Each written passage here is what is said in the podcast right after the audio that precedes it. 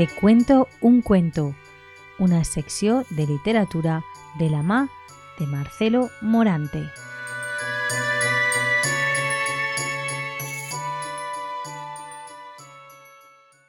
Bienvenidos un día más a la sección de la Tegua Radio Te cuento un cuento.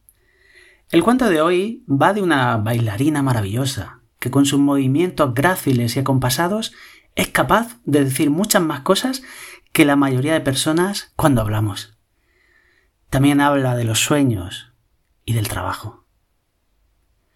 La maravillosa ilustración es de la también mágica Lolen Más. Dulces sueños.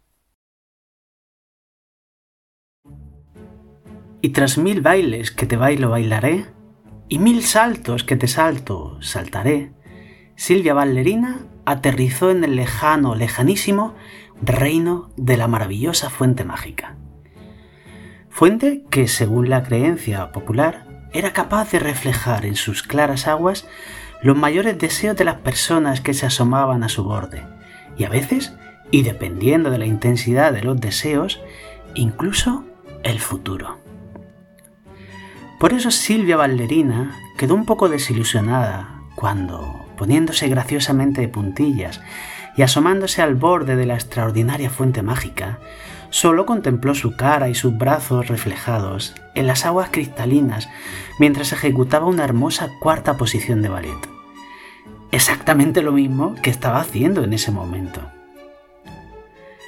Sin embargo, aguzando mucho la mirada, la pequeña Silvia Ballerina pudo ver también reflejada en las mágicas aguas de la fuente, la imagen de una bailarina elegantísima, vestida de azul celeste, que danzaba graciosamente en el centro de un gran escenario de un coqueto teatro.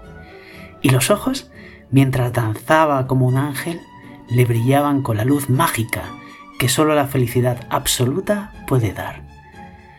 Vaya, qué hermoso, pensó sonriendo la niña y ejecutando un magistral grand jeté, se alejó del reino de la asombrosa fuente mágica sin mirar atrás.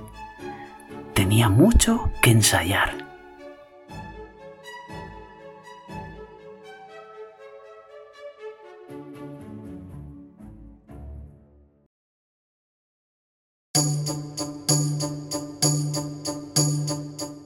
Te cuento un cuento, una secció de literatura de la mà de Marcelo Morante.